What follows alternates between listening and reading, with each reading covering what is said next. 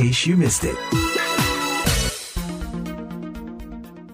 Pendengar, Saki Wardana, pesepeda asal Indonesia, berhasil sampai ke garis finish pada urutan kelima dalam lomba Trans Am Bike Race atau TABR sepanjang 6.800 km Juli lalu. Acara itu adalah lomba balap sepeda jarak jauh tahunan yang dilakukan secara swadaya di seluruh Amerika Serikat. Saya, Puspita Sariwati, sempat bertemu dengan Zaki Wardana yang singgah ke kantor VOA beberapa hari setelah ia menyelesaikan lomba hingga finish di Monumen Yorktown Memorial, Virginia. Kami juga berbincang dengan Pandu Teleskebes sebagai dot watcher, yaitu pengawas yang memantau perjalanan para pesepeda ketika melakukan lomba jarak jauh. Bagaimana perasaan Anda, Mas Zaki, ketika Anda mencapai finish dalam Trans Am ini? saya bersyukur saya bisa seperti ini nih karena dukungan dari teman-teman yang ada di Indonesia, dari sponsor, dari donatur. Semua ini perjuangan kita bersama. Saya hanya orang di lapangan yang menjalankan terbaik yang bisa saya berikan. Ini saya persembahkan untuk Indonesia. Tentunya ini pengalaman yang paling bermakna ya dalam hidup Anda. Mengingat jaraknya juga 6.800 km.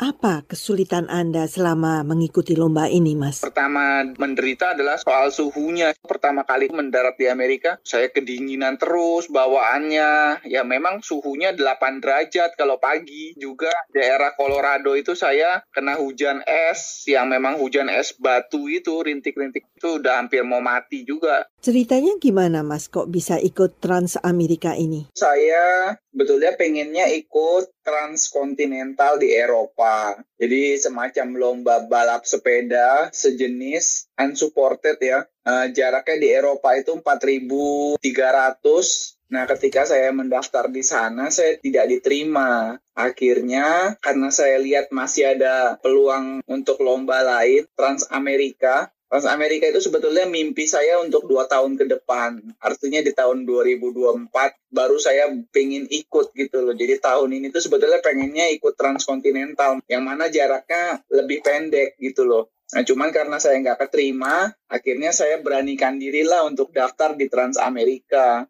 eh malah keterima yang Trans Amerika. Akhirnya ya mau nggak mau saya dengan waktu yang terbatas mempersiapkan diri untuk ikut ini. Sewaktu Anda bersepeda itu, apakah ada yang mengawal? Tentu tidak, baik lomba Trans Amerika ataupun transkontinental, semua sifatnya unsupported. Unsupported di sini peserta tidak boleh ada yang mengawal, semua segala sesuatu diurus sendiri, penginapan, kebutuhan logistik, semua di planning sendiri dan tidak boleh dibantu sama pihak lain seperti itu. Dari mana saja pesertanya? Kabarnya ada ya peserta yang paling muda berusia 20 tahunan dan yang tertua 70 tahunan. Intinya event ini diadakan sudah dari tahun 2014 ya tiap tahun itu ada. Jadi pesertanya dari berbagai dunia, cuman mereka ingin mencoba batas kemampuan diri bersepeda dari pantai barat sampai ke pantai timur. Apakah ada peserta yang belum sampai finish tapi membatalkan untuk tidak mau ikut lagi? Boleh itu? Uh, jadi kalau misalkan nggak kuat melanjutkan atau ada trouble di sepedanya atau ada halangan lain, itu peserta bebas untuk berhenti. Udah ada sekitar 7 atau 8 yang scratch namanya. Ya, sekarang kita temui Mas Pandu Teleskebes. Ada sebagai pemantau ya pada waktu Mas Zaki lomba Trans Amerika. Bagaimana nih peran Anda, Mas? Saya itu sebenarnya pesepeda juga. Jadi kalau sepeda jarak jauh event seperti ini itu kan peserta semua ada titik-titiknya di jalurnya itu di peta ya panitia itu kan ada tuh terlihat. Nah, saya itu pesepeda yang senang memantau perjalanan para peserta event sepedahan jarak jauh. Kalau menurut Mas sendiri bagaimana nih perjalanan Mas Zaki ke sini? Beliau mengatakan bahwa ada tantangan berat. Betul, betul. Bicara ke belakangnya lagi ya. Jadi kebetulan ketika Mas Zaki ikut event ini, dia memang minta bantuan. Tolong dibantu dipantau ya, karena kan jauh dari mana-mana lokasinya kan. Dia percaya saya selalu mantau, sering lihat pergerakan gitu kan sepanjang hari. Pertama ditakutkan adalah rute yang begitu jauh sama elevation gain ya. Ya jalurnya lah. Intinya gitu kan naik turunnya segala macam. Jadi perlu persiapan matang. Jadi perlu perencanaan setiap hari itu sebelum berangkat. Kira-kira hari ini sampai mana dan bagaimana strateginya itu yang dipikirkan pertama. Tapi ternyata di perjalanan yang menjadi kendala utama buat Mazaki adalah cuaca. Karena cuaca berbeda ya sama di biasa di Indonesia kan ya. Dua musim di sana meskipun summer kan tapi ekstrim ya ketika bersepeda itu sebelum start pagi hari itu kan direncanakan dengan melihat perakiraan cuaca. Cuaca hari ini uh, rute yang dilewati akan seperti apa cuacanya. Kita buka bukan cuma satu website, beberapa website kita buka gitu kan untuk dibandingkan. Lalu kita bisa ambil kesimpulan kira-kira bakal hujan jam berapa, bakal bagaimana, seperti apa. Tapi ternyata sering kali berubah dengan cepat memang benar dibilang hujan hari ini, tapi dibilangnya jam 11, ternyata jam 8 sudah hujan. Dibilangnya cuma 3 jam, kira-kira hujan, ternyata 6 jam. Apalagi ketika di Colorado itu kan dia pas lagi lewat pegunungan itu kan suhunya rendah sekali ya. Itu benar-benar jadi kendala. Bersepeda di ketinggian 3000 itu kan oksigen tipis tuh. Terus udaranya dingin jaraknya jauh pula dan medannya berat. Terutama kan yang jadi kendala adalah untuk mengejar jarak yang begitu jauh nah sebenarnya kan ada minimum target yang dicapai setiap hari minimumnya berapa? nggak ada minimumnya tapi kita mentargetkan itu sekitar kalau bisa kita dapatkan 300 km per hari paling tidak. Tapi ternyata kalau ada kendala cuaca itu bisa dilambat perjalanannya. Targetnya harus sudah sampai mana ternyata belum. Jadi benar-benar sering kali harus berubah rencana. Jadi ada dua kendala. Yang pertama adalah cuaca, yang kedua adalah lokasi buat menginap. Bagaimana kalau untuk Kenapa? orang asing kan belum tahu di mana penginapannya, lalu siapa yang menuntun Mas Zaki? Jadi malam itu kita diskusi gimana kondisinya hari itu perjalanan tadi. Lalu kita prediksikan buat besok kita pasang target. Misal hari ini Mas Zaki terlalu lelah karena terlalu jauh. Sudah 400 km dalam satu hari. Berarti besok paling ya sudah kita ambil 200 saja tidak usah terlalu jauh. Jadi sudah direncanakan akan bangun jam berapa. Kita bikin target misalnya 250 km. Kita lihat di peta ada kota apa di sekitar jarak segitu. Peran saya di situ. Saya diskusi sama Mas Zaki menentukan titik finish setiap harinya. Kita ambil titik terjauh, ambil titik terdekat yang mungkin bisa dicapai. Zaki berangkat pagi hari, nanti siang sudah ketahuan sama dia kira-kira akan finish di mana. Kalau masih segar mungkin oh ya sudah mungkin bisa 350. Dia akan menghubungi hotel yang titiknya di 350 km tersebut. Atau sebaliknya kalau misalnya tengah hari dia merasa sudah terlalu lelah, mungkin oh ya sudah hari ini berarti cukup yang 200 km saja. Dia akan hubungi hotel yang jaraknya 200 km. Begitu. Kalau misalnya tiba-tiba hotel yang dihubungi itu udah penuh. Lalu oh, iya. gimana? Pernah kejadian uh, tidak ada pilihan, Mas Zaki sudah lanjut terus, tapi ternyata hotel kota yang dituju itu lokasinya jauh, hampir 400 km.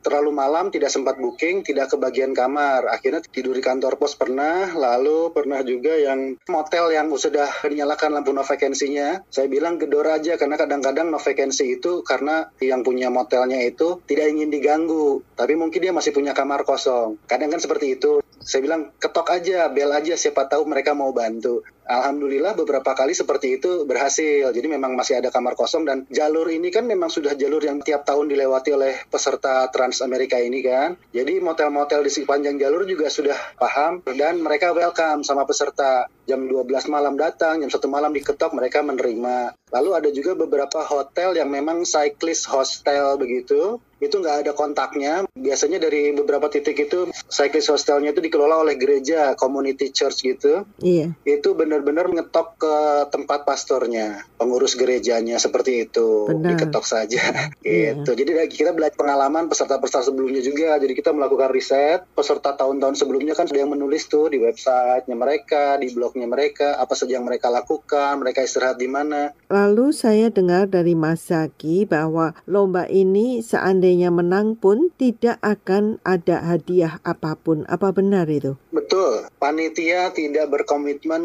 memberikan hadiah dalam bentuk apa pun kepada peserta, kepada pemenang, finisher pertama, kedua, ketiga, dan seterusnya tidak ada komitmen memberikan hadiah. Mengapa kok bisa setega itu padahal melalui perjuangan yang begitu berat? Nah, ini perjawaban saya pribadi ya, sebagai pesepeda yang senang sepedahan jarak jauh juga. Dengan tidak ada hadiah, justru membuktikan komitmen seseorang orang untuk mengikuti acara tersebut. Betapa kalau ikut ini, kamu tuh nggak dapat apa-apa kecuali memang bisa memaknai perjalanan tersebut. Hmm. Kalau ada hadiah kan sudah jelas ya, yang dicari adalah hadiah. Ini tidak ada. Ini sebuah perjalanan yang kalau kamu selesaikan, kalau kamu suka, kamu akan memberi hadiah diri sendiri yang value-nya sangat tak terhingga, tak terkira. Sementara kalau tidak suka, pasti juga nggak akan coba ya yang jaraknya segini.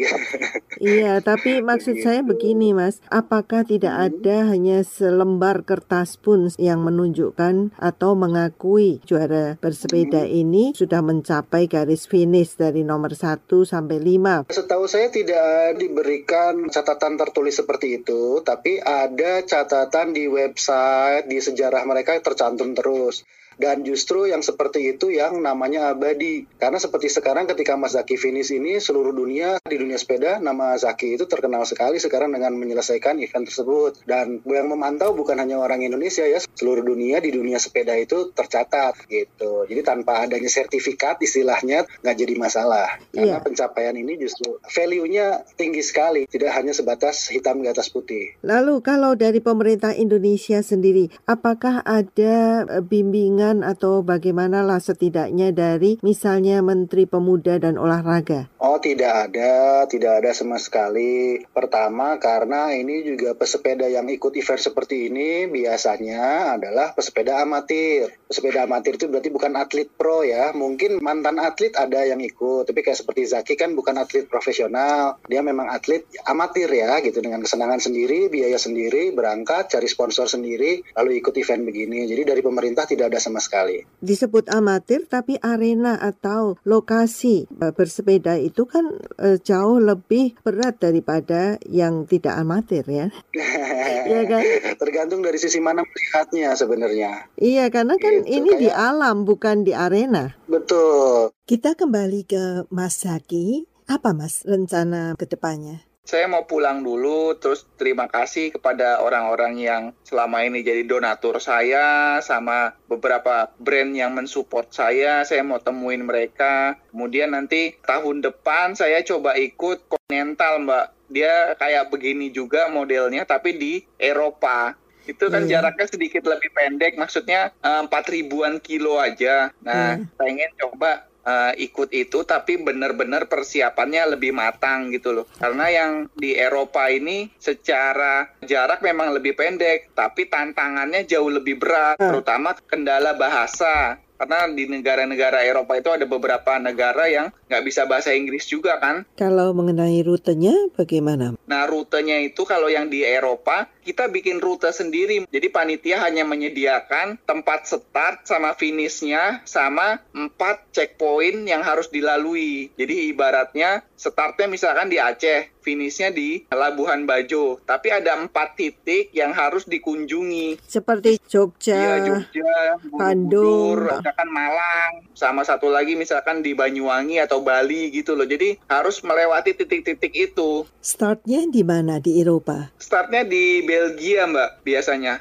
Tapi finishnya beda-beda. Kayak tahun ini itu di Yunani, tahun lalu Bulgaria. Jadi tiap tahun beda-beda. Terima kasih dan sukses terus dalam karir bersepeda Anda, Zaki Wardana dan Pandu Teleskopes atas berbagai penjelasannya. Saya Puspita Sariwati, sampai jumpa. The